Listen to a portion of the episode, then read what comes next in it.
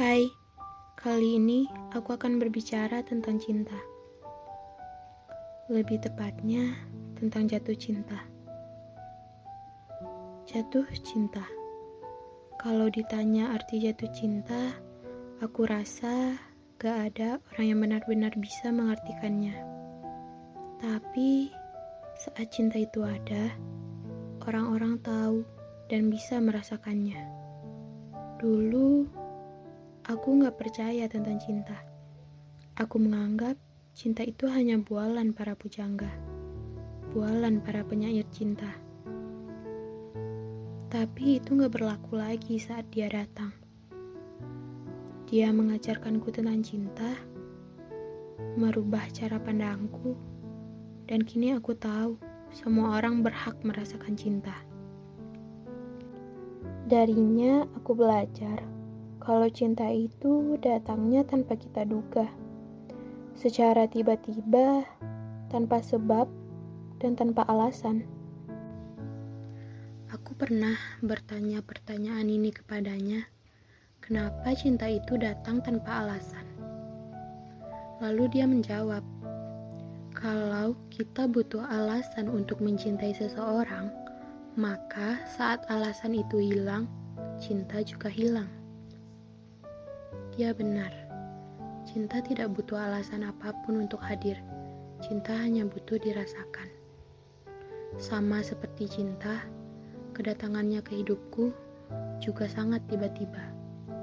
Dia datang sebagai pendengarku dulu, dan kita bersahabat dekat. Dan entah bagaimana awalnya, hingga tumbuh perasaan di antara kami berdua. Tapi satu hal yang lucu, walaupun tahu saling memiliki perasaan, kami tidak pernah benar-benar berkomitmen menjalin hubungan. Kami hanya menjalani bagaimana adanya saja tanpa menuntut adanya hubungan.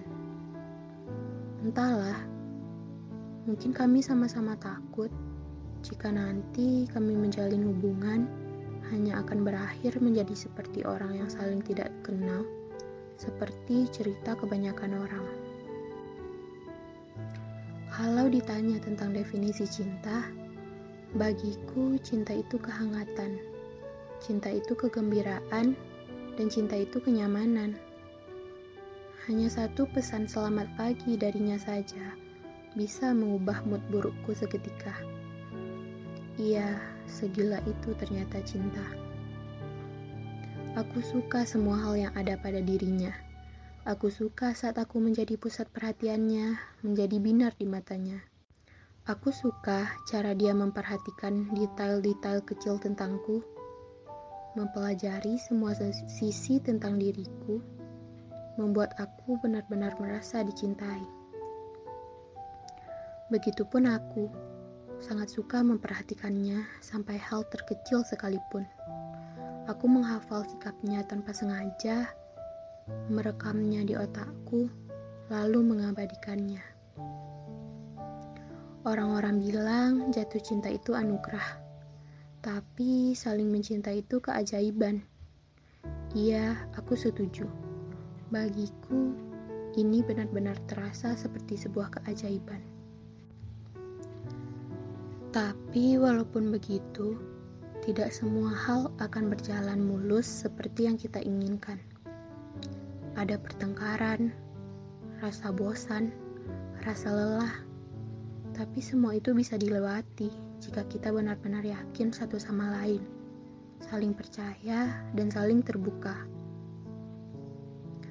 Entah bagaimana akhirnya nanti dari kisah kami, aku tidak mau peduli. Terserah mau berakhir indah ataupun tragis, akan berlangsung singkat ataupun bisa sampai nanti. Untuk sekarang, aku tidak mau peduli.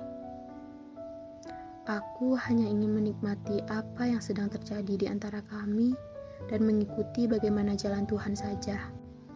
Entah akan mempersatukan kami kelak atau tidak.